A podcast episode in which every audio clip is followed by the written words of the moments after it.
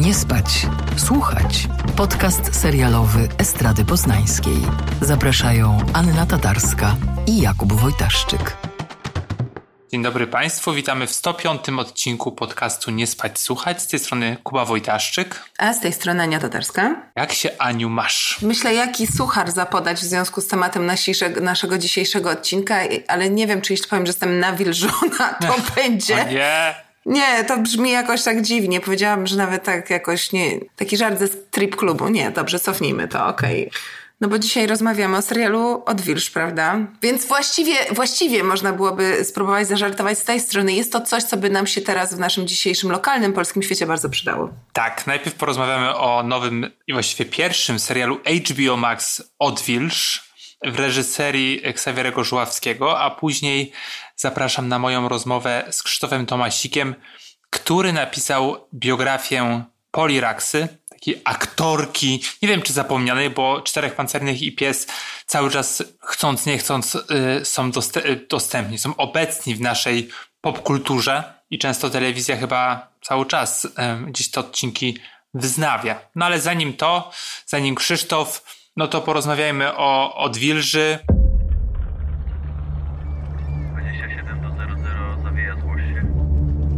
Mamy trupa.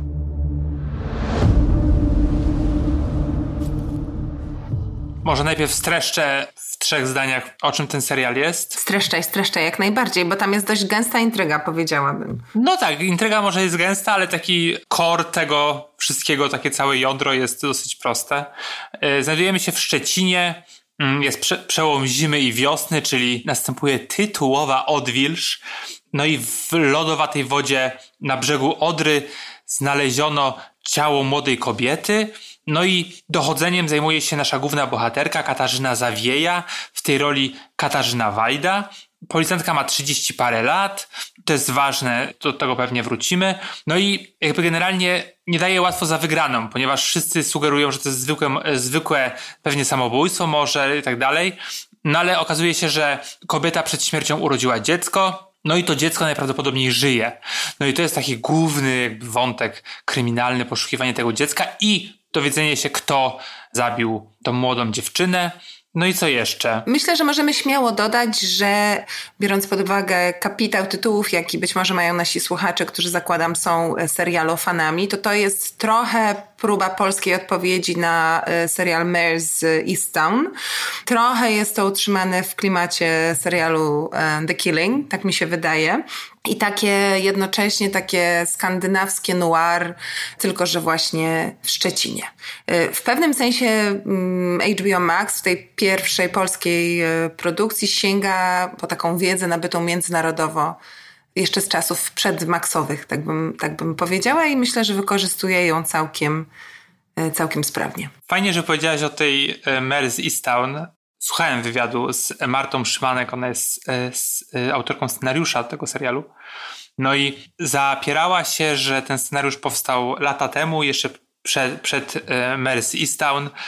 No ale powiedziałbym, że nie możemy uciec od tego porównania, jak również główna bohaterka, czyli grana przez Katarzynę Wajdę, no ma dużo inspiracji, znaczy wydaje mi się, że dużo wspólnego. Wajda, tak, i też czerpie dużo z, z gry Kate Winslet. Myślę sobie tak, że nawet jeśli jest, jest tak, jak mówi scenarzystka, co jest oczywiście, ja wierzę jej, no jest to Jasne. jak najbardziej, jak najbardziej możliwe, no to mm, o tym, jak sklejamy ze sobą inspiracje, jednak decydują daty premier i trudno jest mówić o Odwilży bez mówienia o Mare of Easttown, też ja bym jeszcze wspomniała o Klangorze, bo Klangor, jeśli dobrze pamiętam, rozgrywał się w Świnoujściu i w ogóle to jest teraz taka jakby mm, Klangor Kanal Plus mm, i to jest teraz taka fala trochę polskich serialów, e, seriali. Ja mamy ostatnio jakieś dramatyczne problemy z odmianą Kuba. Ja nie wiem, co się ze mną dzieje. Seriali, proszę Państwa, seriali oczywiście, które się e, wynoszą z Warszawy, że bardzo długo Warszawa i inne duże ośrodki miejskie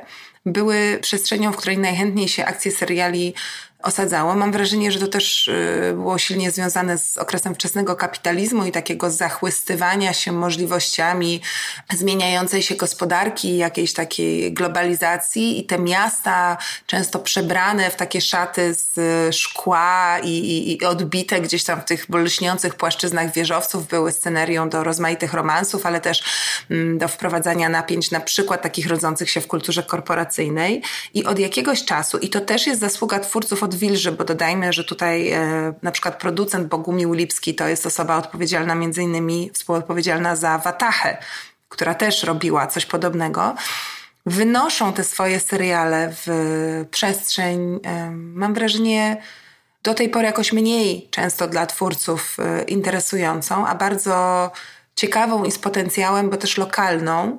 I szczególnie jeśli myślimy o tym, że dzięki międzynarodowym, międzynarodowym platformom takim jak właśnie mm, HBO Max, te seriale, czy, czy, czy Netflix też przecież robi to samo, te seriale są teraz dostępne w całej Europie czy na całym świecie, no to mnie to bardzo cieszy, no bo um, Mary's Easttown um, rozgrywała się chyba w Pensylwanii, jeśli się mm, nie mylę.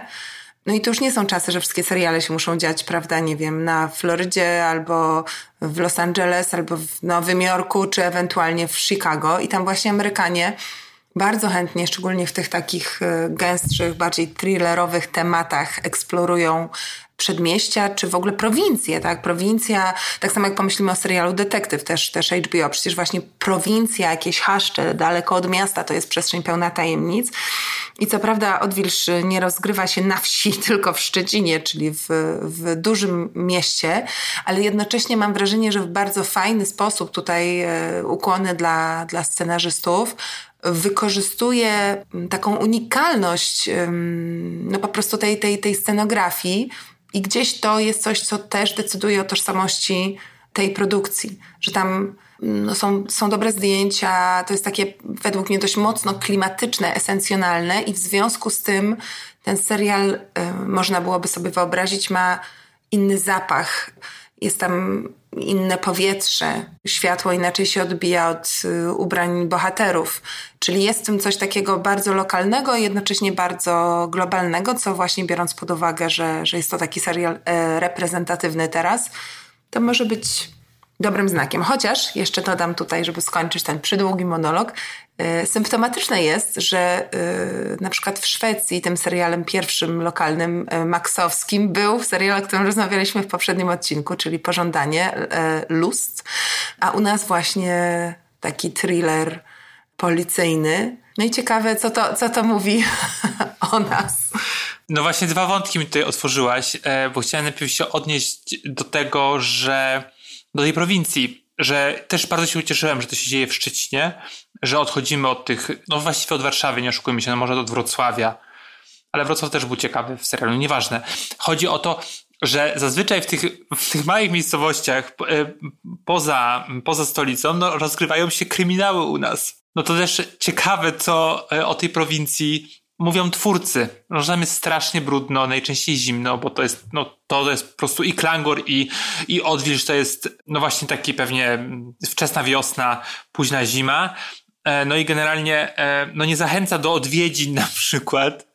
To po pierwsze, dlatego też myślę, że fajnie, że nawiązałaś do las, do pożądania, bo ja bym troszeczkę chciał, żeby polski serial przestał być taki bezpieczny i kryminał jest bezpiecznym gatunkiem dla e, naszego odbiorcy, naszej odbiorczyni, ponieważ jesteśmy do tego przyzwyczajani przez Kanal Plus, przez no teraz HBO, ale też przez Netflixa, że nasze tytuły to raczej taki trochę mrok, brud, smród i ubóstwo. Oczywiście jakby nie odbierając nic z tej produkcji, bo Odwilż jest e, zupełnie serialem poprawnym i z ciekawymi rolami, do których zaraz pewnie wejdziemy, ale jednak dla mnie cały czas pozostaje w takim bezpiecznym gatunku, no żeby trochę tego widza i widzkę HBO Max na polskim rynku nie przestraszyć. Wiesz co, z jednej strony tak, yy, z drugiej strony chciałam powiedzieć, że cieszy mnie to, że coraz bardziej naturalną decyzją w tych klimatach thrillerowo-policyjno-kryminalnych jest obsadzanie kobiet bo mm, same statystyki policyjne wskazują na to, że ta proporcja y, płci się w szeregach policyjnych y, zmienia. Oczywiście jest to wciąż świat zmaskulinizowany, ale wstąpienie do policji i też nie tylko na tych niższych stanowiskach, jakichś takich, nie wiem, patrolowych, tylko właśnie mm, detektywka, podkomisarz, y, to, to, już, to już nie jest coś, coś nieosiągalnego. Kobiety te decyzje podejmują i, i te stanowiska pełnią. Mi bardzo w głowę zapadł taki film z Jowitą Budnik już, jak okazuje się, już sprzed ośmiu lat i to był e, Jeziorak Michała Otłowskiego. Pamiętam, że wtedy ten film bardzo mi się podobał właśnie dlatego, że miałam wrażenie, że ta bohaterka jest z jednej strony wszystkim czym powinna być filmowa policjantka, e, że jest po prostu atrakcyjna, a z drugiej strony właśnie wydawała mi się wrażliwościowo, jakoś tak charakterologicznie po prostu prawdziwa. I w tym sensie pod Boże, zawieja ma jaki stopień? Nie wiem. Ale to ustalimy sobie w międzyczasie. E, w każdym razie chodzi o to, że nie jest, nie jest e, jakby szeregową policjantką, tylko już ma, ma, wyższą, ma wyższą rangę że to też było w niej ciekawe, że z jednej strony jako policjantka jest kompetentna, doświadczona, uważna, ciekawa chyba, bo też bardzo zdeterminowana i taka myśląca w sposób e, niesztampowy, ale że z drugiej strony jest tam życie poza posterunkiem, coś co w przypadku policjantów mężczyzn często było sferą no powiedziałabym, albo lekceważoną, albo stereotypizowaną też. E, ewentualnie widzieliśmy, nie wiem, policjantów odreagowujących stres, e, nie wiem, w strip klubie, tak, albo jakieś dowcipy. A tutaj mamy kobietę, która oprócz tego, że jest, że jest policjantką na tropie bardzo ważnej sprawy, to jest też matką i jest też wdową, i jest też córką, i jest też synową, i jest uwikłana w całą sieć tych relacji i one odgrywają w jej życiu ważną rolę. Ale też fajne jest to, że mam wrażenie, że być może Odwilż jest pierwszym serialem, który z jednej strony robi z Zawiei jednak taką no, bohaterkę heroskę, ale z drugiej strony na przykład pokazuje całą logistykę rodzicielstwa, logistykę samodzielnego rodzicielstwa. Coś, co jest bardzo niefilmowe i bardzo niesexy. W sensie, że jeśli y, musisz zostać po godzinach w pracy, to musi się ktoś zająć tym twoim dzieckiem. I to nie może być byle kto. I jeśli masz y, taką sytuację, jaką y, wielu rodziców, nie tylko matek przecież, w Polsce i na świecie, że no nie musisz być, być wdową czy wdowcem, ale że jesteś właśnie samodzielnym rodzicem. Albo nawet masz opiekę naprzemienną, ale akurat jest twój tydzień, a, a twój były partner wyjechał. Albo twoi rodzice nie mają z tobą bliskiego kontaktu, albo im z jakiegoś powodu nie ufasz, albo nie stać cię na nianie, albo nie wiem, cokolwiek. Ten wątek jest tutaj wpleciony, to znaczy ona walczy nie tylko z czasem, żeby znaleźć e, sprawców przestępstwa i być może ocalić dziecko, ale ona cały czas walczy z czasem, żeby być w stanie pracować. I oczywiście pewnie mnie to jakoś tam jara jako feministkę i też, i też mamę, ale wydaje mi się, że to jest e, bardzo ciekawe, że to zostało w ogóle wprowadzone do opowieści jako jej e, składowa, że mamy tutaj nie tylko taką na przykład dramatyzowaną żałobę po, po tym mężu, który, który umarł. To nie jest spoiler, wydaje mi się, bo to jest bardzo szybko od razu jakby podane w, e, w serialu. Tylko właśnie kobietę robiącą to, co bardzo często jest w społeczeństwie marginalizowane, wyśmiewane, jakoś tak banalizowane, czyli po prostu próbującą z ogromną determinacją ułożyć te wszystkie jakby puzzle dnia codziennego tak, żeby być w stanie być obecną na wszystkich polach, na których obecna być musi. I co więcej, tutaj najczęściej zwycięzcą w tej walce jest praca. Ona nie jest matką idealną, nie jest kobietą, która E, się w macierzyństwie w 100% spełnia, to też jest podkreślane i to też na polskim gruncie jest stosunkowo świeże. To, że się pojawiają w ogóle takie wątki, że można mieć rodzicielstwa dosyć, że człowiek czasami po prostu chce zniknąć. No znowu, dla każdego rodzica to są banały, ale jakoś film jest, mam wrażenie, zawsze kilka kroków za nami i też upraszcza te sprawy. Jakoś tak, że musi być albo czarne, albo białe. Więc tutaj na tym polu mówię o idei i, i o spojrzeniu, jakby punkcie widzenia, widzę wiele szarości. Jest ich nieco mniej chyba już na takiej czysto filmowej, realizacyjnej płaszczyźnie, ale to może ty będziesz miał tutaj coś do dodania. No chciałem powiedzieć, że Wajda jest faktycznie bardzo fajna. I to tu, jak mówiłem, braku odwagi polskich twórców, twórczyń, to tutaj faktycznie obsadzenie jej można uznać za takie, ponieważ to jest nazwisko, znaczy nazwisko może jest znane, ale generalnie aktorka e, chyba nie do końca. I faktycznie czytając wywiady z nią, czy słuchając ich, dowiedziałem się, że faktycznie nie dostawała ról takich, jak, e, jakie mm, by chciała. Nie chciała grać też te, e, w serialach, nie chciała takich Y, w sensie tasiemcach, nie chciała też w reklamach, co bardzo dziwiło jej agentkę, tudzież agenta i też zaszła w ciążę. I generalnie przez to ona nie jest za bardzo obecna w naszych takich serialowo-filmowych doświadczeniach. I faktycznie wraca na ten ekran, y, dostaje główną rolę i faktycznie jest bardzo dobra. I ona też mówi, że pierwsze co ją zainteresowało w, w, scenariuszu, to to, że ona mogła sobie wyobrazić e, i dużo do niego włożyć, jak ta bohaterka powinna chodzić, jak się powinna odzywać, jaka powinna być jej fizyczność. I faktycznie ta, ta rola taka jest, taka bardzo mięsista, taka trochę, wiesz, ona, widać, że ona po prostu no jest też zmęczona i to takie jest w, całym, w całym ciele, nie tylko w jej głosie, takim dosyć niskim, takim bym powiedział bezemocjonalnym. I trochę mi się skojarzyło znowu nawiążę do głównej bohaterki e, serialu tego Last, w sensie tej aktorki, która grała właśnie w, w, w Moście nad Su Sundem Bron Boroen, ona była taka pozbawiona emocji, miała jakieś zaburzenie i faktycznie tutaj też w tej bohaterce coś takiego odnajduje, że gdzieś taka właśnie jest plus. Powiedziałaś o tym, że ona jest tą taką matką trochę nieudaną, ale za to ma właśnie ten szósty w zawodzie i jest taka, że takie bycie kobietą stereotypowo podejmowane i też przez taki pryzmat na nią patrzą e, niektórzy koledzy E, z, e, z posterunku jest takim jakby bagażem. E, I to jak powiedziałaś, że, że ona ma jakby dosyć czasami tego rodzicielstwa i też miałem wrażenie, że ona ma dosyć właśnie takiego, takiego bycia kobietą, takiego, że musi się z tym szowinizmem na co dzień jeszcze jakby zmagać, ale jednocześnie tutaj szapoba po prostu dla scenarzystów, że nie jest to takie, wiesz, nie jest pod linijkę, że teraz powiemy o szowinizmie w policji.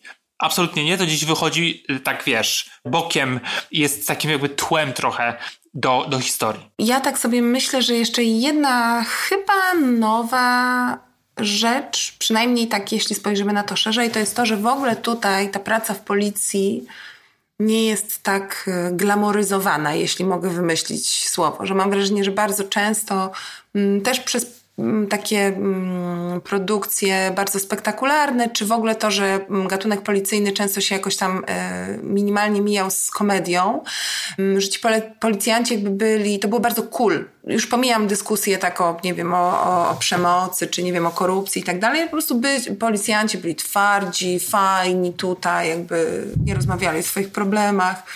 A tutaj właściwie mam wrażenie, każdy ma jakiś problem i też te problemy są, są jakoś wspomniane. Te relacje między bohaterami nie są, mm, nie są oczywiste, tak? Komuś się rozpada rodzina, y, ktoś rozważa mm, zmianę pracy, ktoś żyje przyszłością, czyli y, to nie są tematy odwilży i być może one mogłyby być bardziej rozwinięte, ale mam wrażenie, że dla mnie coś poruszającego jest w tym, że w pewnym sensie poruszono takie pełne spektrum e, potencjalnych punktów stycznych tej bardzo trudnej przecież pracy z, z rzeczywistością. I tak jak, no właśnie, nie wiem, e, kobiety często e, w służbie mogły się zdarzać z tym stereotypem, że no pewnie wolałyby być więcej w domu, prawda, i że ta praca jest dla nich taka trudna. Tutaj mężczyźni też stają przed takim wyborem i też muszą jakby podejmować decyzje, bo chcą być więcej w domu, tak? Bo jakby do, dociera do nich, że na przykład praca wciągnęła ich, ich, ich za mocno i, jakby są świadomi tego, że jakoś to za bardzo wpływa na, na ich emocjonalność.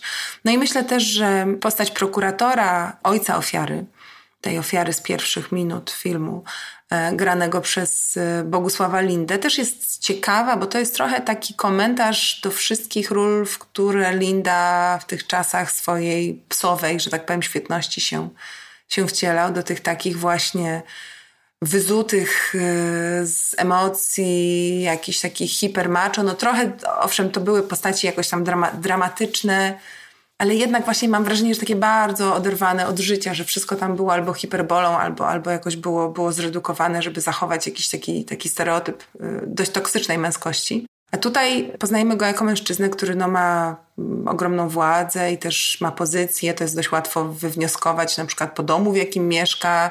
Widać, że, że, że, że jest zasobny, że, że odniósł sukces. Ale to jest postać złamana.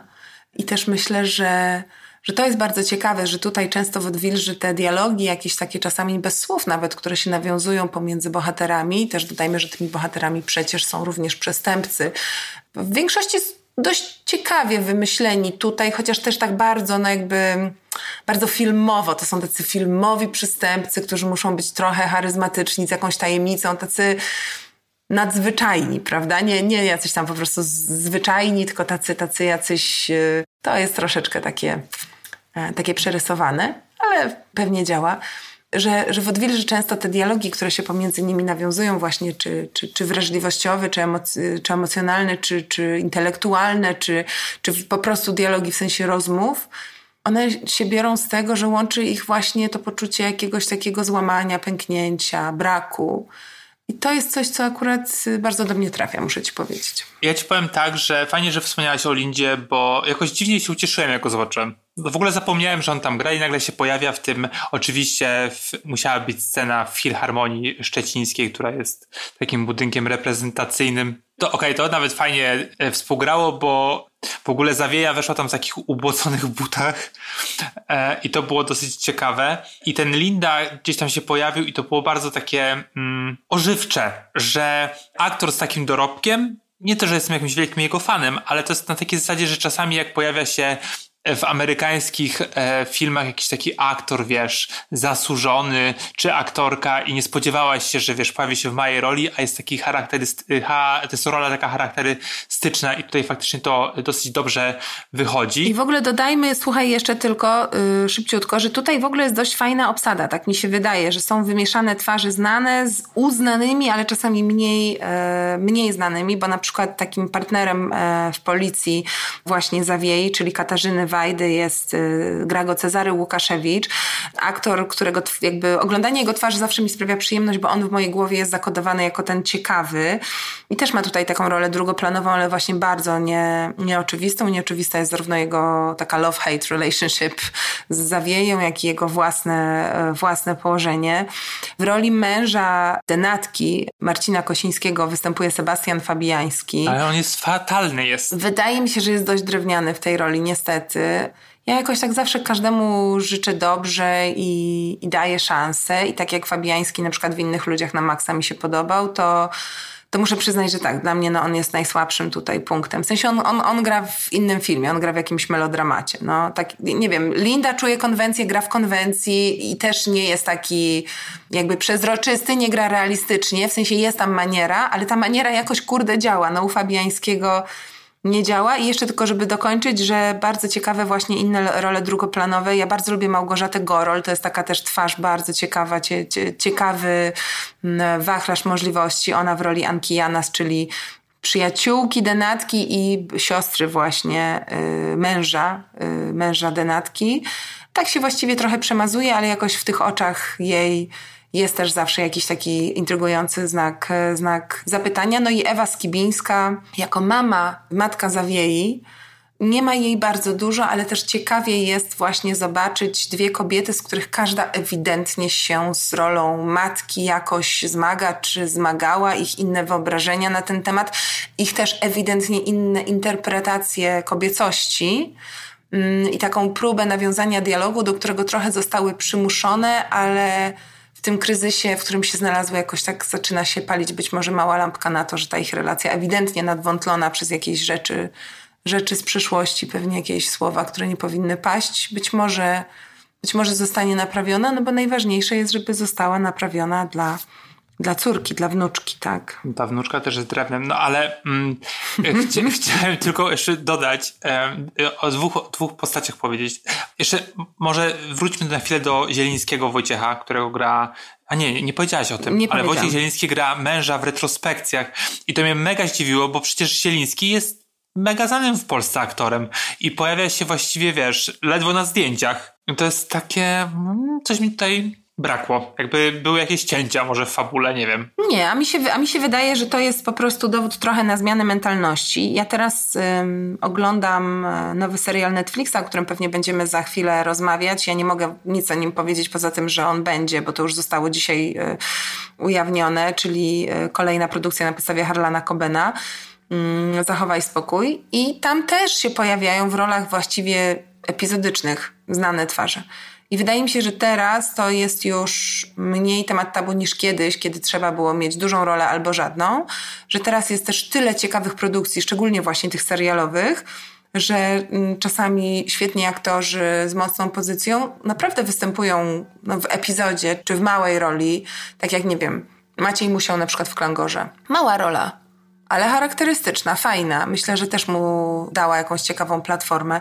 Więc to, że ktoś jest przez chwilę nie traktowałabym tego jako, jako coś dziwnego. Mi się wydaje, że to jest po prostu znak zmieniających się czasów, że jak jest rola ciekawa w ciekawym serialu, to, to nawet taka mniejsza może być jakby chętnie chętnie przyjęta. No. Partnerem mm, Zawiei jest Krzysztof Trepa i gra go, teraz uwaga, na pewno skrzanie to nazwisko, Bartłomiej Kotrzedow. Koczedow. Koczedow, proszę bardzo. Po prostu. Pierwszy raz widzę go na ekranie, podobno grał w tym filmie o Kalinie Jędrusi, którego nie widziałem. No i to jest dla mnie bardzo fajna rola. Po pierwsze mają extra flow pomiędzy sobą i on jest trochę taką osobą, która chce się opiekować Zawieją, martwi się o nią, ale nie w taki sposób, o ja jestem tutaj facetem i teraz cię po prostu przytulę i pokażę ci jak wygląda świat i ochronię cię też przed całym złem, ale to jest takie bardziej kurde, no takie jakby on był trochę tak, ją traktował jak, jako matkę delikatnie, to jest takie dziwna, on ją też jednocześnie podziwia, to jest takie bardzo, bardzo ciekawe i nieobecne na, na polskich ekranach. Relacja y, męsko-kobieca, że tam nie ma ani krzty na przykład seksualności, co jest super. Tak, no to, to jest w ogóle coś, yy, coś, do czego już trochę nawiązywaliśmy, czyli że tutaj te role się nie wpisują w takie tradycyjne ścieżki, czyli na przykład nie ma sceny, nie wiem, seksu z rozpaczy, tak, albo że, że napięcia i emocje, więc te relacje między właśnie kobietami a mężczyznami w policji muszą być jakieś takie na granicy nie, nie ma tutaj tego i właśnie masz rację, że szczególnie właśnie ten e, bohater grany przez Koczedowa, którego ja notabene myślę, że mogą widzowie pamiętać też z ataku paniki, bo tam miał e, mm, super e, rolę. To jest bardzo fajna dynamika, bo oni są przyjaciółmi. My niewiele o nim wiemy. Nie wiemy na przykład, tak mi się wydaje, czy on jest bardzo mądry. Ja tego nie wiem. Ale widzę, że on ją widzi, że on ją zna, że to nie jest człowiek, który dużo gada, ale on ją naprawdę rozumie i jest dla niej wsparciem. Więc to jest też bardzo ciekawe, że, że, te, że te jakby pary mam na myśli no jakby partnerów tak zawodowych, tam są różne konfiguracje w obrębie y, akcji w Wilży, że one mają bardzo różną dynamikę i właśnie tak jakoś nie, nie wpadają w ten taki nawykowy stereotyp y, relacji damsko-męskiej pod presją, gdzie właśnie mam wrażenie bardzo często wytrychem, którego używają scenarzyści jest jakiś ukrywany romans, tak jakby no, trzeba było jakoś ten stres zrzucić i zwykle zrzuca się go przez seks, ale też jeszcze możemy wspomnieć, chociaż to jest tak naprawdę rulka i znowu to może potwierdza tę moją tezę o tym, że małe role, ale w fajnych to to warto, bo jest jeszcze przecież y, Andrzej Grabowski w roli teścia Zawiei, ojca właśnie zmarłego policjanta granego przez Wojtka Zielińskiego. I po, przyznam szczerze, że dla mnie trochę rozczarowująca ta rola. Mam wrażenie, że on jest takim aktorem, który często potrzebuje dłuższej chwili, żeby pokazać, że gra niuansami, a tutaj jakoś jest tak w, często w wyrywkach i jakoś tak wypada dość, żeby użyć terminu, który lubisz, drewnianie, tak bym powiedziała. Dla mnie, dla mnie jest to taka postać wyjaśniająca, żeby dopowiedzieć coś e, w fabule, czego nie zobaczymy na ekranie, a co się wydarzyło wcześniej lub pomiędzy, pomiędzy scenami po prostu. I i to jest częsty zabieg i to jest zabieg taki, no chyba niemile widziany do końca, nie? Że, że on teraz powie, jak to, jak powinniśmy coś odebrać, albo wiesz, przecież byłem policjantem i jakby na takiej zasadzie, że lepiej to na przykład pokazać jakimś, nie wiem, no, zbliżeniem na coś, jakimś, jakimś, jakimś, jakimś artefaktem, jakąś rzeczą, a niekoniecznie po prostu wyjaśniać i jakiś kolejny monolog. To jest o tyle też y, może rozczarowujące, że mam wrażenie, że Odwilż radzi sobie bardzo często z tym, żeby właśnie budując klimat, czy, czy poprzez obraz, a przecież od tego seriale powinny być, a nie gadanie, rzeczy wyjaśniać, więc rzeczywiście, kiedy są czasami takie sceny z Grabowskim, no zresztą nie tylko z nim, gdzie nagle coś jest po prostu tak jakby wyjaśnione, tak, że nie wiem, on na przykład mówi e, właśnie matce Zawiei, że mój syn jej nie bił, a właśnie, że bił, nie? No i jakby w ten sposób dostaje, dostajesz jakby po kolei informację, że w tym związku się, się działo gorzej niż myśmy mogli na początku y, się domyślać że ja bym wolała, żeby to było bardziej e, nam pozostawione, bo ja lubię, jak, jak twórcy mi ufają, a, a nie jakby tak, tak właśnie podsuwane i, i insynuowane.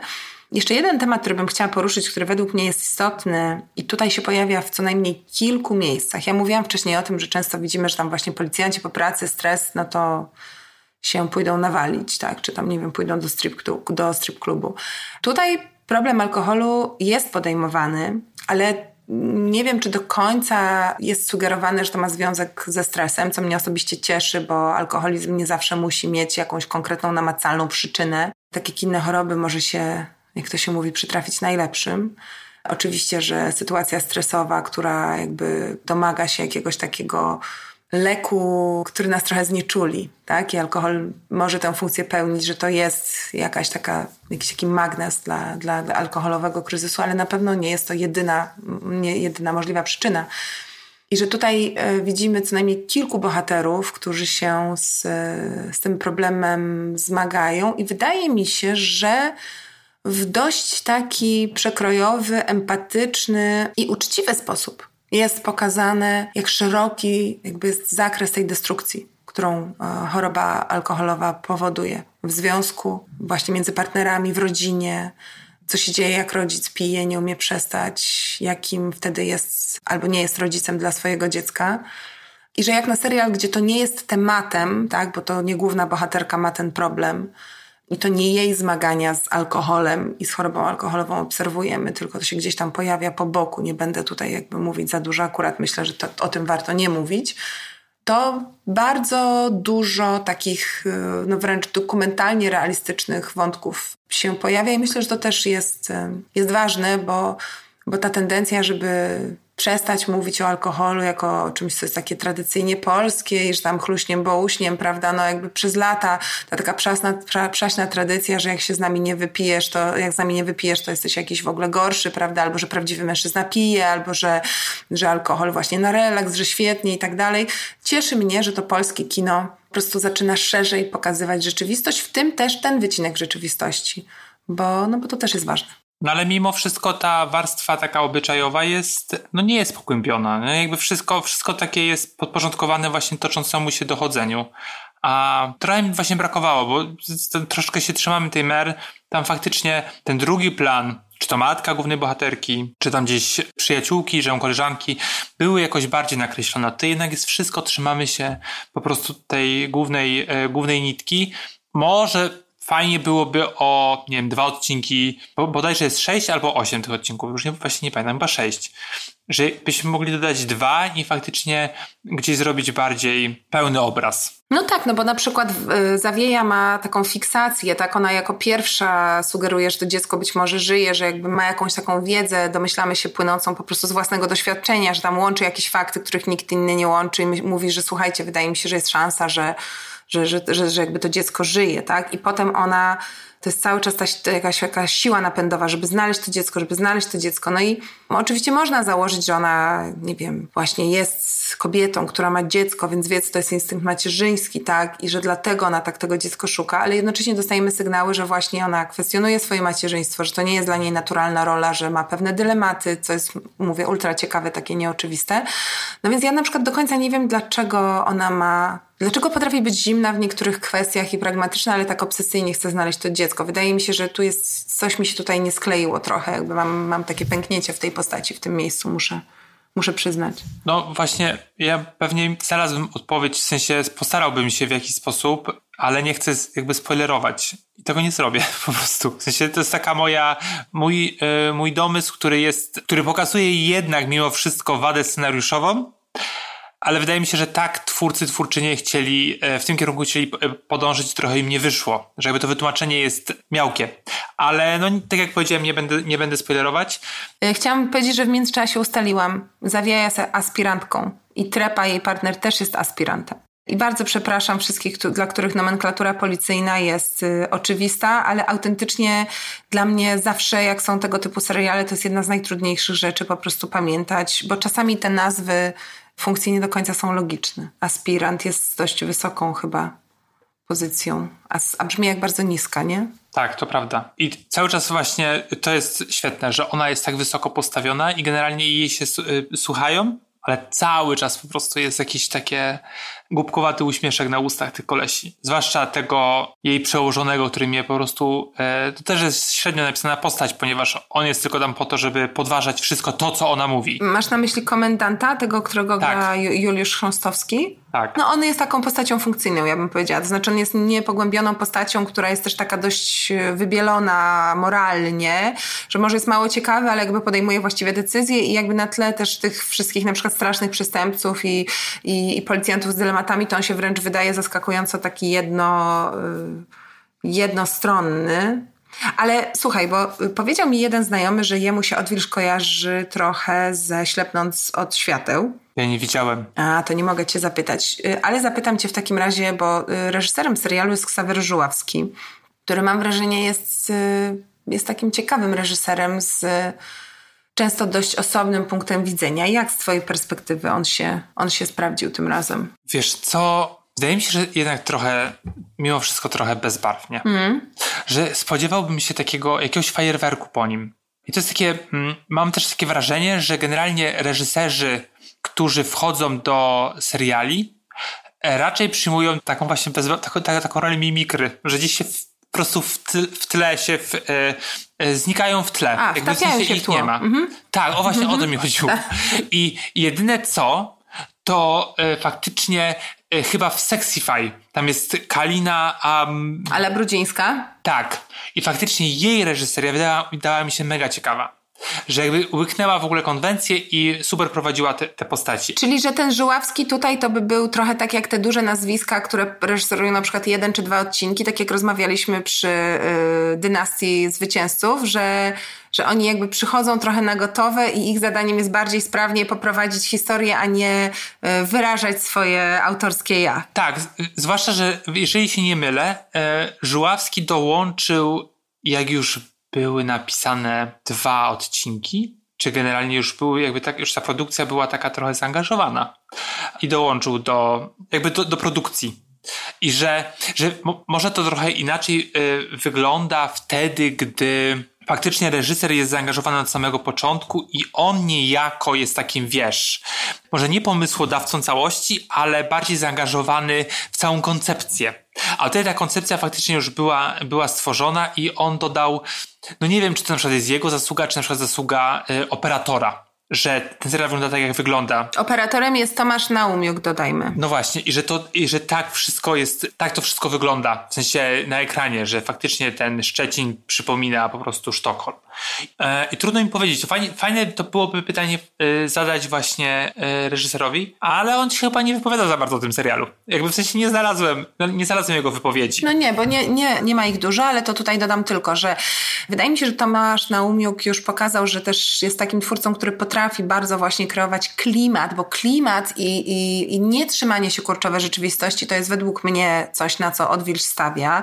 Naumiuk to jest na przykład współpracownik Kasi Adamik, e, operator między innymi Niny czy y, Krakowskich Potworów, innego serialu, o którym raczej nie będziemy rozmawiać, ale też pracował z Agnieszką Holland, robił zdjęcia do Obywatela Jonesa i też robił zdjęcia do takiego innego filmu, który y, tu mi się wydaje ciekawym punktem odniesienia, bo filmu 53 wojny, tam też była bardzo interesująca kobieca bohaterka w kryzysie. Ja wyczytałam, że oni szukali wspólnie jakiejś takiej e, form, formalnego rozwiązania, które by pomogło znaleźć jakąś taką, taki znak rozpoznawczy trochę dla tego serialu i, i podobno można by było uznać za to użycie tak zwanego kranu korbkowego lubię technikalia, to jest taki rodzaj wysięgnika, na którym jest zawieszona kamerka. Mm, czyli taki jakby podwyższony statyw, e, gdzie możesz z innej pozycji filmować zdjęcia, sceny. To jest raczej spory sprzęt, więc on przeczy trochę na przykład e, tym, tak ideologicznie można powiedzieć, przeczy tym zdjęciom z ręki, których też tutaj jest, e, przynajmniej tak mi się wydaje znowu, bo nie wiem, ale tak z, z punktu widzenia widza sporo. Mm, one często są stosowane jako taki wytrych, żeby po, pokazać akcję właśnie taką dynamiczną, że jesteś blisko, blisko bohaterów, no ale oni właśnie poszli w drugą stronę, czyli, czyli ten kran korbkowy jakby, y, żeby mógł za bohaterami iść, to, to bohaterowie musieli trochę, trochę zwolnić. No i też podobno, tak mówił reżyser w rozmowie z, z Gazetą Wyborczą, że cytuję, Opowiadając historię o kobiecie zamkniętej emocjonalnie, nie chcieliśmy przyklejać się do niej z kamerą, postanowiliśmy się zdystansować, niemal wyjść do drugiego pokoju i przyglądać jej się z oddali. I no i wydaje mi się, że to się sprawdziło i w ogóle, jeśli mówimy o stylizacji, to tutaj jest to fajnie zrobione, bo rzeczywiście z jednej strony jest to Szczecin, a z drugiej strony trochę cały świat i naprawdę mm, na poziomie wizualnym to wydaje mi się, że tutaj jest bardzo dobrze to zrobione i charyzma. Ale im dłużej o tym myślę, to trochę tak jak powiedziałeś, że kurczę, no to jest niestety problem, że po Merseystown już nic nigdy nie będzie takie samo i jak możesz dostać serial o policjantce, która jest tam przedstawiona jakby z każdej możliwej perspektywy, jako właśnie policjantka, jako, jako partnerka w policji, ale też jako, mm, jako osoba i to jak tam niesamowicie jest jednak nakreślona właśnie te jej relacje z rodziną, jakieś takie lokalne smaczki, napięcia, dosłownie przez kilka scen, takie, takie wtręty, które ci tak bardzo, bardzo bardzo, bardzo dużo mówią o postaci i ty nawet nie wiesz, jak bardzo potrzebujesz tych informacji, żeby móc potem patrzeć na nią jako policjantkę i o ile ciekawszym to czyni twoje doświadczenie, no to droga jeszcze daleka. No i masz tam przede wszystkim comic reliefy.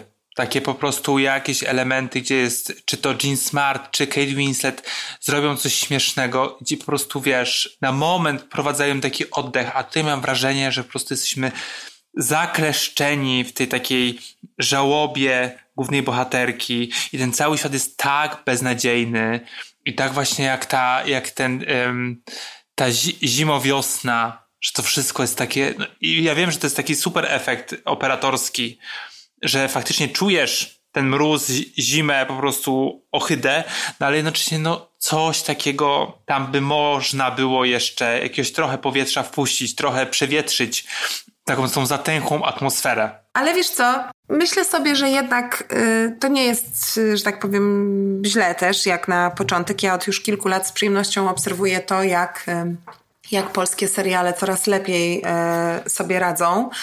Ja też myślę trochę, że tutaj e, klątwa Watachy, bo dla mnie Watacha jest do tej pory jednym z najlepszych seriali HBO i też takim naprawdę uznanym międzynarodowo, który gdzieś tam wielu krytyków brytyjskich czy amerykańskich wyłapało i mówiło o, o nim z dużym zaciekawieniem i uznaniem.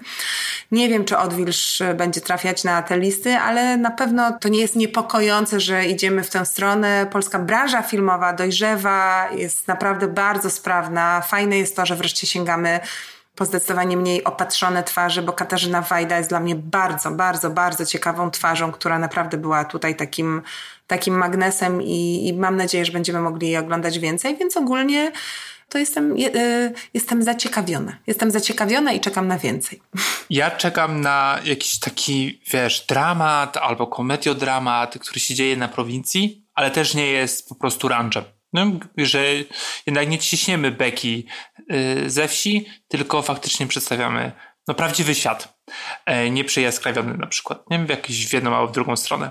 I tego mi trochę brakuje, wiesz, że jednak ten obyczaj to nie tylko y, na wspólnej czy M jak miłość, tylko faktycznie możemy zrobić taki pełnokrwisty. Wydaje mi się, że, że znowu wrócę, bo to jest mój ulubiony polski serial. Sexify jest takim trochę przykładem, że było coś takiego nieoczywistego Aczkolwiek z kim nie rozmawiam, ze wszystkich moich y, przyjaciółek i, przyja i znajomych, to wszyscy odrzucili ten serial nie wiem, po którymś odcinku. No to widzisz Kuba, a ja go uwielbiam, więc tu byśmy się, tu Ja byśmy też. się dogadali No i zgadzam się z tobą, że to jest idealny przykład na zrobienie czegoś, co jest tak jakby mega lokalne i w pewnym dziwnym sensie ma bardzo dużo prawdy o rzeczywistości, w której opowiada, a jednocześnie super wystylizowane, mega charakterystyczne i bardzo takie uniwersalne. Więc no ja myślę, że odwilż spoko, ale to takie u mnie takie 6 na 10. No, u mnie takie 5 na 10. Malcontent jak zwykle. No dobrze, Aniu, bardzo, bardzo Ci dziękuję. A kontynuując nasz polski odcinek, zapraszam teraz na wywiad z Krzysztofem Tomasikiem o jego książce Poliraksy twarz. Halo? Nie śpimy, słuchamy. Bardzo miło jest mi powitać Nie spać słuchać Krzysztofa Tomasika, autora książki Poliraksy twarz. Na początek, e, Krzysiu, powiedz mi, dlaczego zdecydowałeś się opowiedzieć historię Poliraksy? No, nie będę tu ściemniać, że to był jakiś mój pomysł albo jakieś moje marzenie. To była propozycja wydawnictwa, która na początku mnie zaskoczyła, bo tak nie do końca, y, nie, nie, nie, nie, nie do końca czułem ten pomysł i, i ja mm, nigdy nie byłem wielbicielem czterech pancernych i, i nie bawiłem się Wianka i Marusie i, i, i, i tak naprawdę nawet jako dziecko niespecjalnie lubiłem filmy, takie filmy dla, dla młodzieży, dzieci, młodzieży, raczej, raczej, raczej od razu wolałem oglądać filmy dla dorosłych. I, y, i, i, i, i to zresztą też widać w moich poprzednich książkach właśnie, które, które były o, o seksbombach y, polskiego kina, więc tutaj ta, ta raksa trochę, trochę, trochę mnie zaskoczyła, ale później jak zacząłem o tym myśleć, to sobie uświadomiłem, że właściwie ona też przynależy do tej grupy tych, tych, tych ekranowych piękności.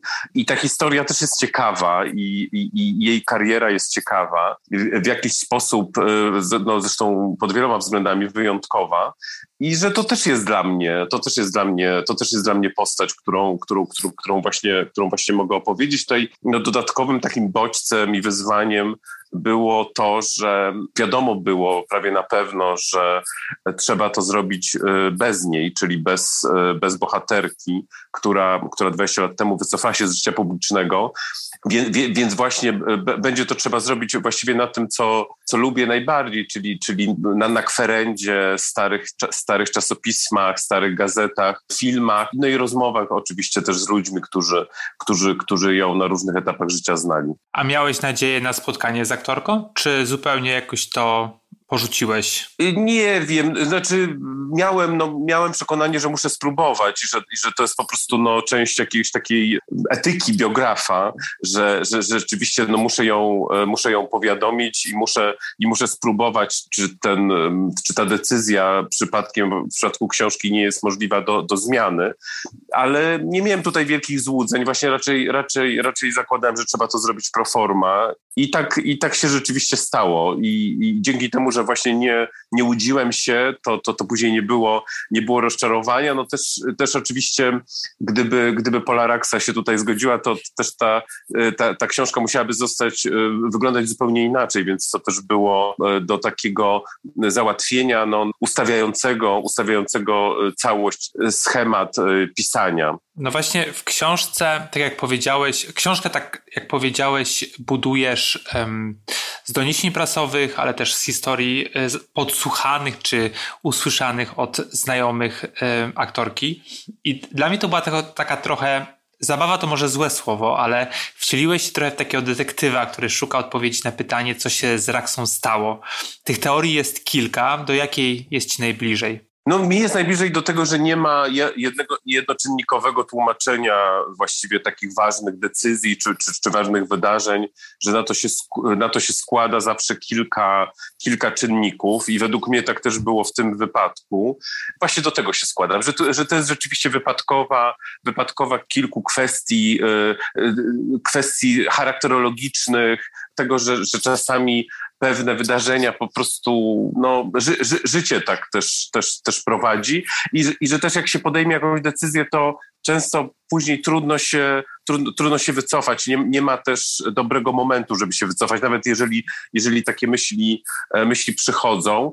No ale też, też jakby też e, ze świadomością, no, że to już też jest czas, mówimy o osobie 81-letniej, e, więc to też jest, to, to też trudno, trudno, trudno wymagać jakiejś takiej dużej, dużej aktywności w tym wieku i, i, i też wiadomo, że to jest też różnie, różnie ze zdrowiem, różnie z, z chęciami, różnie róż, różnie z jakby też z, z takim e, wyobrażeniem no, o tym, jak, jak to ma wyglądać. To też musimy sobie uświadomić, że kiedy Pola Raxa się wycofywała właśnie z życia publicznego, no to wszystko zupełnie inaczej wyglądało. To był 2002 rok, nie wiem, właśnie inaczej nie było Facebooka, sieć dopiero raczkowała i tak dalej, i tak dalej. To, to, to, to, to w ogóle wszystko, e, wszystko trochę inaczej, inaczej funkcjonowało i też właśnie myślę, że im dłużej e, mija czasu od, od tej rezygnacji, no to tym trudniej, trudniej, trudniej do tego wrócić. Ale, ale tak jak mówię, no to jest wszystko takie spekulowanie, ponieważ no nic, nic e, takiego pewnego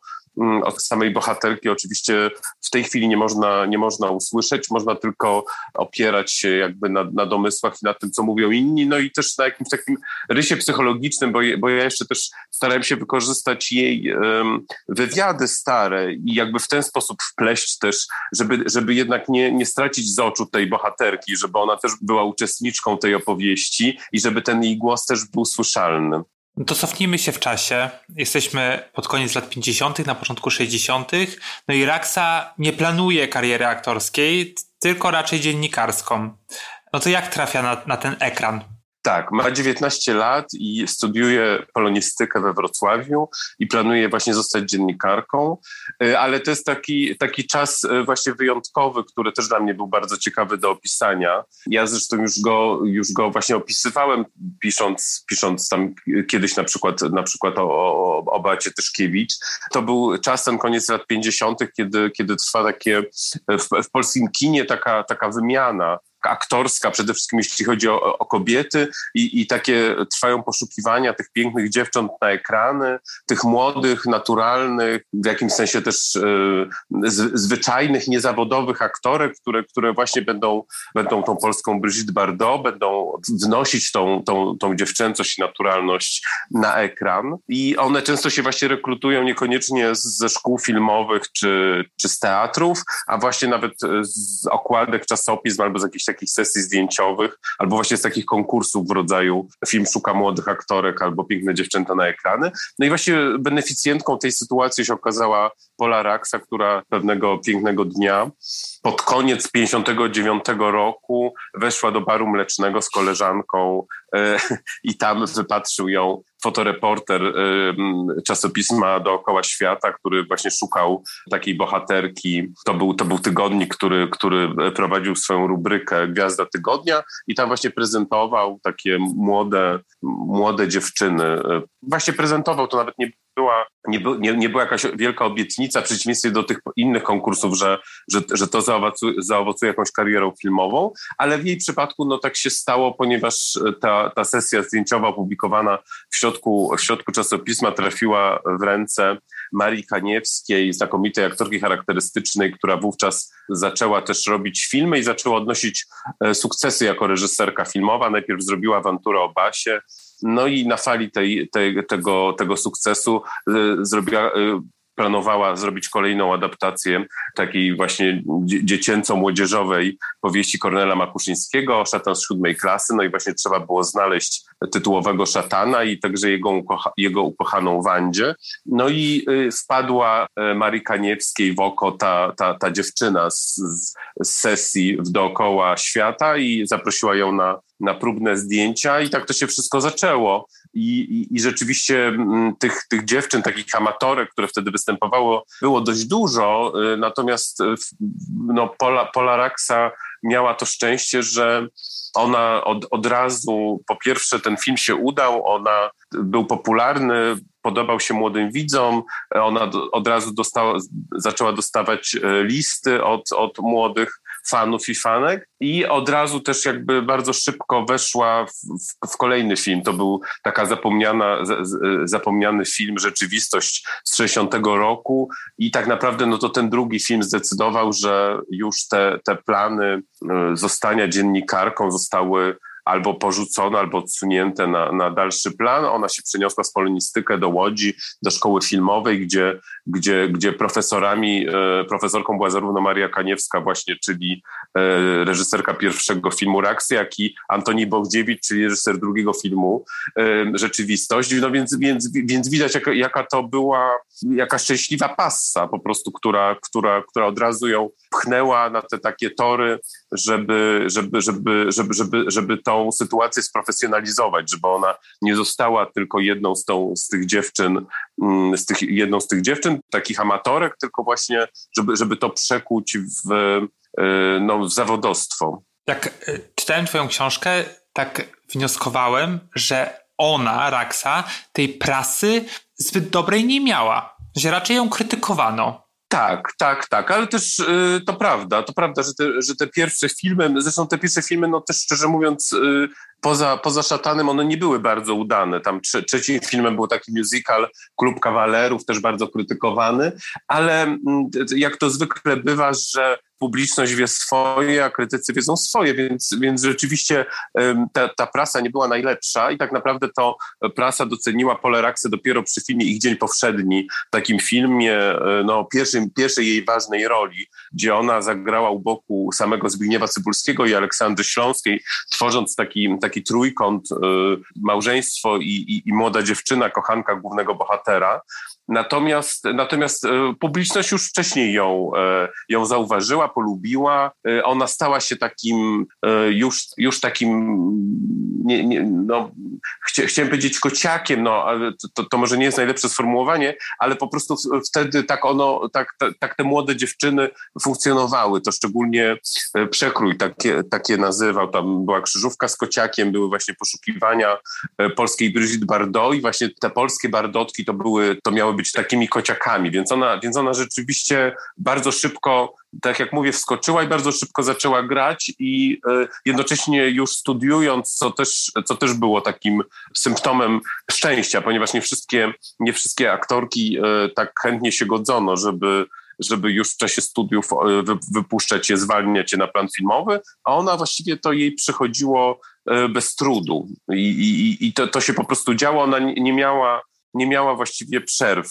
Każdy rok to był pierwsze pięć lat przynajmniej, to w każdym roku był e, wypuszczany jakiś przynajmniej jeden film. No właśnie, bardzo dużo poświęcasz uwagi temu, że jakby jej wygląd stanowił no ten atut, dlaczego była tak popularna, że była tą właśnie taką ekranową pięknością, o której wspomniałeś na początku, ale jednocześnie mówisz też o tym, że jej bohaterki w większości ani nie są uwodzone, ani nie uwodzą na, na ekranie. I skąd ten taki dysonans? No stąd, że, że, że tych typów, takich typów, y, właśnie można to nazwać seksbomb, a można nazwać piękności, a można nazwać jeszcze jakoś inaczej, było ileś i, i, i, i każda z aktorek reprezentowała trochę inny taki typ. I rzeczywiście y, tutaj, mimo że tak jak pisze y, Pola Raksa w, ty, w, tym, w tym panteonie ówczesnych piękności wcale nie była najmłodsza, bo na przykład Teresa Tuszyńska, czyli taka inna, in, inna amatorka odkryta, była od niej e, rok młodsza, ale, ale Raksa była właśnie takim symbolem, ideałem takiej właśnie bardzo młodej dziewczyny, nastolatki. Ona, ona takie role grała. A ponieważ właśnie była, y, zaczęła i, i, i w jakimś sensie ten, ten szatan z siódmej klasy, to często tak jest, że ten debiut w jakiś sposób już definiuje postać, jaką się będzie, jaką się będzie odtwarzać. I nawet jeżeli są wyjątki od reguły, no to właśnie jest jakaś reguła. I, i, i ten szatan w jakimś sensie właśnie, ponieważ to była tak ważna rola i tak popularna, ją zdefiniował. I, i właśnie szatan z siódmej klasy, czyli film wyreżyserowany przez kobietę, film tak naprawdę dla młodzieży, żeby nie powiedzieć dla dzieci, e, film jakby w związku z tym no siłą rzeczy pozbawiony erotyzmu, pozbawiony tego wątku. I ona raczej właśnie będąca taką, taką no niewinną, młodziutką dziewczyną, która w domyśle jeszcze nie uprawia seksu, nie, właśnie nie uwodzi, nie jest uwodzona, a nawet jeśli e, tak jak już w kolejnych filmach, to właściwie to, to pozostaje mm, takie mm, niepokazane, niedo, niedopowiedziane, bardzo bardzo delikatne, bardzo subtelne. I jakby tutaj też nie chodzi oczywiście tylko o, o sceny erotyczne czy sceny na gości, bo, bo wiadomo, że mówimy tutaj o początku lat 60. i to kino, polskie kino jest jeszcze dość, dość pruderyjne i tej, tej nagości tak, tak wiele nie ma,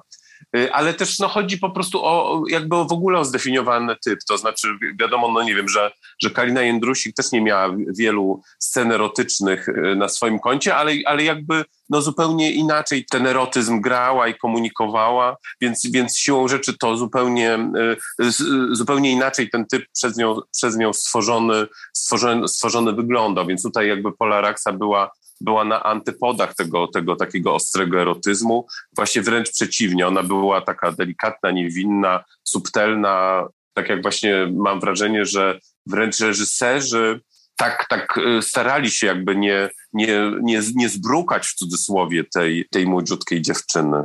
Trafia w pewnym momencie na plan czterech pancernych i psa, ale zanim dotrzemy do sedna tejże produkcji, to powiedz mi, czy w tamtych czasach zejście jakby z, z wielkiego ekranu na mały ekran było w jakiś sposób czymś deprecjonującym, czy, czy wręcz odwrotnie? Nie, nie, nie. To, to właśnie to dzisiaj są takie podziały, to też przyszło jakby bardziej ze Stanów, gdzie, gdzie ten podział właśnie na aktorów serialowych, kinowych, teatralnych był bardzo ścisły. To się oczywiście też zmienia, ale w Polsce to wyglądało zupełnie inaczej. To po prostu wiadomo było, że e, podstawą, generalnie podstawą jest teatr, więc oczywiście Pola Raksa też trafiła do teatru i też gra w teatrze, a poza tym jest film, który oczywiście przynosi popularność największą i, i też jest, e, jest ważny. No oprócz tego jest jeszcze telewizja i to absolutnie nie nie było e, jakby, jakby wręcz przeciwnie, tu wręcz ceniono na przykład właśnie teatr telewizji, e, występy telewizyjne. Zresztą no oczywiście Czterej Pancerni nie byli pierwszym występem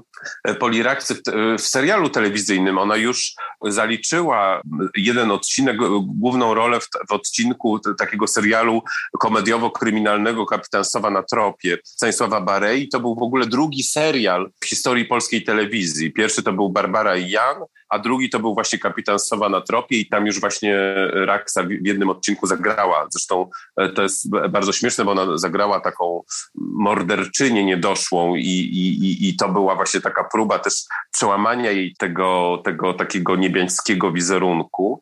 E, ale oczywiście to wszystko też no, było trochę na, na komediowo, to, to, nie było tak bardzo, tak bardzo, bardzo na poważnie. Ona zresztą też w tym samym roku zagrała u boku Jerzego Nasierowskiego w takim filmie telewizyjnym e, Błękitny Pokój Janusza Majewskiego i ten film też był, to, to jest taka, taka 30-minutówka właśnie telewizyjna, też akurat bardzo chwalona e, wówczas i, i chętnie powtarzana i wszyscy byli zgodni, że tutaj właśnie Nasierowski i Polaraksa E, stworzyli e, piękną parę, więc, więc absolutnie ten serial Cztery Pancerni i Pies to nie była jakaś żadna degradacja.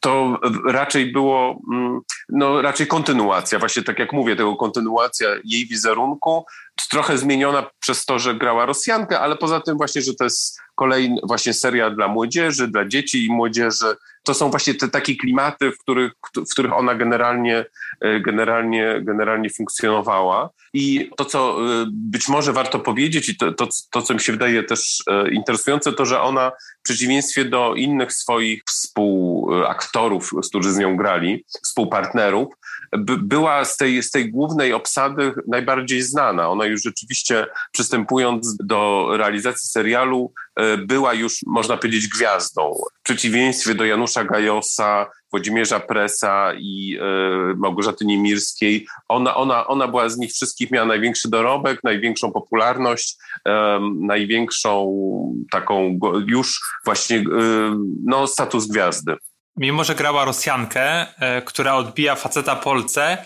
budziła da dalej sympatię i była popularna, stało się odwrotnie niż, e, niż ona spekulowała. Czyli jakby cały czas pozostawała na tej takiej fali popularności, takiej uwielbienia e, publiczności. Tak, tak, tak. Właśnie, że ona, tak, to jest, to jest rzeczywiście, ten co zwróciłeś wątek jest bardzo bardzo ciekawy, ponieważ on, ona, ona po latach właśnie mówiła, że, że w ogóle początkowo jakby chciała odrzucić tą rolę, bo właśnie wydawało jej się, że to zostanie no, znienawidzona jako właśnie Rosjanka, która odbija y, Polsce, polskiego chłopaka i i na końcu, no oczywiście nie od razu, od razu to nie było wiadomo, e, bo, bo wtedy nie było jeszcze wiadomo, że będzie kontynuacja, ale e, to się zakończy ostatecznie ślubem, tym takim przypieczętowującym zresztą przyjaźń polsko-radziecką, mm, więc, więc ona rzeczywiście początkowo e, tutaj miała, miała różne opory, ale okazało się, że, że zupełnie, zupełnie niepotrzebnie, to znaczy, że ta konwencja taka właśnie tego młodzieżowego serialu, tego takiego spojrzenia na tro, tro, trochę na te perypetie, trochę jak przygodę, trochę też z takim przymrużeniem oka, nie, nie traktowanie tego tak dosłownie, no bo to jest jednak, e, to jest seria dla, dla młodzieży, no to, to, to zwyciężyło, ale też to też pasuje do jej e, twórczości, ponieważ ona Wcześniej już zagrała w dwóch filmach, y, w dwóch filmach radzieckich. W jednym grała francuskie, w drugim grała Polka, ale jakby ten kontakt z kinem radzieckim już i z, to, z, z, tą kulturą już, już był wcześniej. Mm, wspomniałeś na początku, że nie byłeś nigdy fanem e, pancernych. Oglądałeś serial po latach, teraz. Jak go odbierasz? No wiesz co, no ja nie jestem tutaj targetem, no nie, nie, nie mam, mm, ponieważ właśnie nie byłem nigdy wielbicielem, to też nie mam do tego żadnego sentymentu. Właśnie oglądałem go raczej analitycznie, jakby próbując mm, dostrzec gdzieś ten, no i próbując rozgryźć w ogóle ten, ten, ten fenomen tak naprawdę. I, I, też myślę, że no nie ma tutaj chyba żadnej jakiejś wielkiej tajemnicy, to jest po prostu sprawnie zrealizowany właśnie serial, serial przygodowy, dobrze zagrany, to zresztą mm, nie, nie, nie było wiadomo, że, że, że, że ci aktorzy w rodzaju Janusza Gajosa wyrosną na takich gigantów e, aktorskich, ale, ale także w epizodach, także na drugim planie są tam znakomici aktorzy polscy tamtych lat, więc, więc właśnie raczej, raczej w ten sposób go oglądałem. Tak jak mówię, no bez żadnego sentymentu, ponieważ no ja, nie, ja, trochę nie mam mieć do czego, e, do czego sentymentu. Postać Marusi przyćmiła cały dorobek e, Raksy, przynajmniej tak możemy wnioskować z twojej książki, ale też e, no chyba jest najbardziej kojarzona jednak z tą postacią. Czy ona miała jakiś taki do tego, no właśnie negatywny stosunek, miała żal do tego serialu przez to? Tak, tak mówiła właśnie, że, ten, że, że, że, że, że, że miała żal. Mm, że, że, że, rzeczywiście, no, ten, ponieważ ten serial przyćmił wszystko, to nie mogła się z tym pogodzić, że rzeczywiście jest tak, że wszystko się przestało liczyć. Ona naprawdę miała duży, duży dorobek przed pancernymi. Miała na swoim koncie rolę u Wajdy, u Hasa, miała pobyt w Cannes, miała ogromną taką popularność właśnie jako taka aktorka młodzieżowa, taki symbol ówczesnej młodej dziewczyny lat, lat 60. I później e, po serialu bardzo dużo grała jeszcze przez cztery lata e, od, od premiery serialu zrobiła cztery duże role w filmach, które się kompletnie nie udały i to wszystko było ciągle właśnie w cieniu Marusi. Więc tak naprawdę to e, na szczęście jeszcze przed wycofaniem się zdążyła tą swoją historię opowiedzieć i, i dopiero gdzieś tak w latach dziewięćdziesiątych przyszła jakaś taka zgoda na to, że rzeczywiście coś w tym serialu musi być. To jest rzeczywiście jakiś fenomen. Nie ma co tego jakby wypierać, zaprzeczać. Po prostu trzeba to, trzeba to zaakceptować. I jedną z ostatnich mm, aktywności Poliraksy to w 2000 roku ona wzięła udział w takim bardzo fajnym pomyśle, żeby y, trójka aktorów y, z tego serialu spotkała się i jako dodatki do wydania DVD komentowała, komentowała pierwsze cztery odcinki. I e, to jest rzeczywiście taki e, bardzo fajny zapis jej, jej wspomnień i, i, jakby w ogóle jej stosunku nie tylko, nie tylko do, do tego serialu, właśnie z tego, z tego już, już właściwie ostatniego okresu, tuż przed wycofaniem się z życia publicznego. To jest bardzo ciekawa historia w sensie e, tego serialu, bo to był taki fenomen właściwie tworzony na, na gorąco, bo on był powtarzany tak z roku na rok. Ja pamiętam go z dzieciństwa.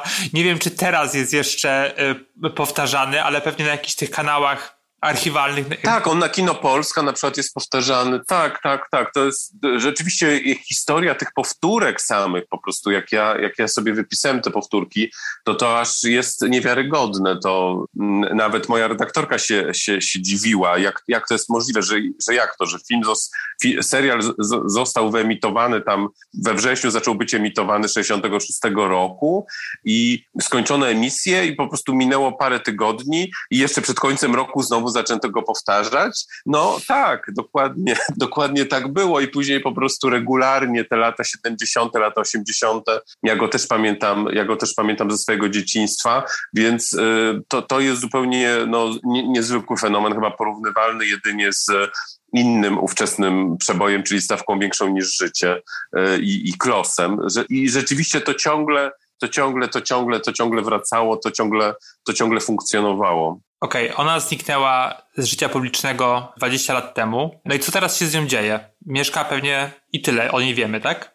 Tak, no wiemy, że mieszka w Kałuszynie, że, że, że, że, odmawia, że odmawia wywiadów, odmawia jakiej, jakiejkolwiek aktywności zawodowej, publicznej, że prowadzi no, życie emerytki i, i, i zaznaje jakiegoś spokoju, no, który niewątpliwie, który niewątpliwie jej się należy. I to jest taka rzeczywiście no, bardzo, bardzo konsekwentna, bardzo konsekwentna decyzja. Jeżeli się nie mylę, to właśnie podajesz chyba cytat y, z jakiegoś artykułu, że jej sąsiadka mówi, że czasami ją widuje w sklepie i ostatnio mówi dzień dobry. Tak, tak, tak. To jest bardzo fajny, ponieważ oczywiście dużo, dużo dziennikarzy próbowało przełamać ten jej opór i rzeczywiście są takie e, fajne, fajne reportaże właściwie. Jeden z nich się ukazał w Newsweeku, gdzie, gdzie, gdzie właśnie nie udało się dotrzeć do Poliraksy, ale, ale jest zapis tych rozmów z tymi, z tymi sąsiadami. Mój, mój ulubiony właśnie brzmi, że, no, że bardzo miła. I jak człowiek nie wie, to, to, to nie poznać, że Marusia.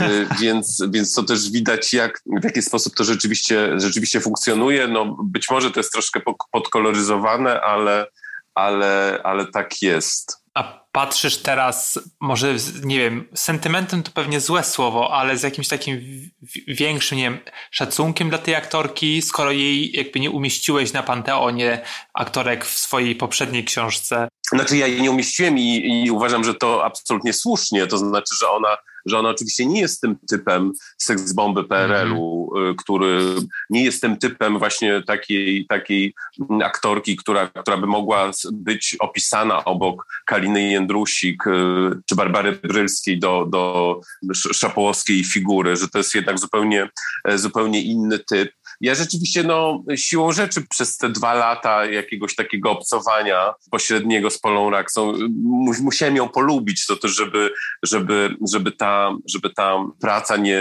była też dla mnie przyjemnością. I jakoś to mi się też jakoś udało, bez, bez nawet bez większych, większych problemów. To jest też ciekawe. Ja oczywiście większość tych jej ról znałem, ale też oczywiście jak się je przypomina już też w takim, w takim właśnie spojrzeniu analitycznym, zastanawiając się nad, nad całością, to, to jest trochę inaczej. Nawet mogę ci pokazać tutaj y, właśnie pocztówkę, którą, którą y, mam, hmm. przy, mam przy biurku właśnie z, z Raksą, y, która jeszcze, jeszcze tutaj została i stoi, którą właśnie sobie postawiłem w trakcie, w trakcie pisania. Więc mogę powiedzieć, że, że, że tak, że, że się z, to, z moją bohaterką zakolegowałem, co prawda bardzo jednostronnie, ale, ale jednak.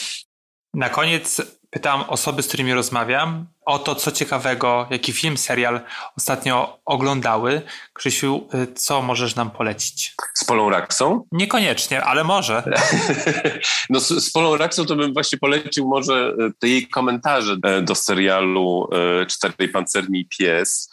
E, natomiast z innych rzeczy, które, które ostatnio na mnie zrobiły bardzo pozytywne wrażenie. Mm, to jest e, film może być kinowy? Oczywiście. To na przykład właśnie dopiero, dopiero nadrabiam też e, różne zaległości i dopiero obejrzałem film Inni ludzie, który uważam, że w jakimś sensie jest niedoceniony. To jest adaptacja, adaptacja Masłowskiej, gdzieś bardzo, bardzo, bardzo uwodzący, właściwie, właściwie musical ze świetnymi aktorskimi rolami, czasami nawet dla mnie mnie zaskakującymi, na przykład Sonia Bohosiewicz jest tam zupełnie, zupełnie, zupełnie fantastyczna, Jacek Beller Beata Kawka, to jest to, no, super, super, super epizody, świetnie oddana ta fraza Doroty Masłowskiej, to um, niestety widzę, że, że ten film nie, jakby nie stał się jakimś przebojem, ale jeśli jeszcze jest w kinach, to bardzo polecam, bo szczególnie myślę, że, że, że warto go zobaczyć,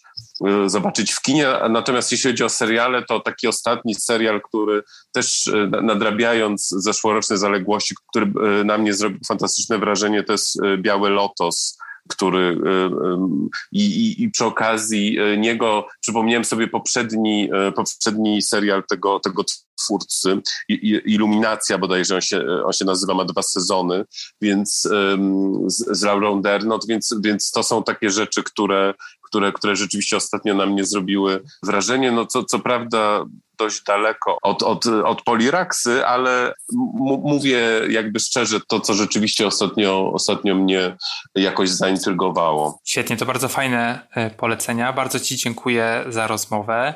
Książka Poliraksy Twarz, e, wydawnictwo Czarne, do dostania w księgarniach. Bardzo dziękuję. Dziękuję bardzo. Nie spać, słuchać. Producentem podcastu jest Estrada Poznańska. Wszystkie odcinki znajdziesz na estradapoznań.pl.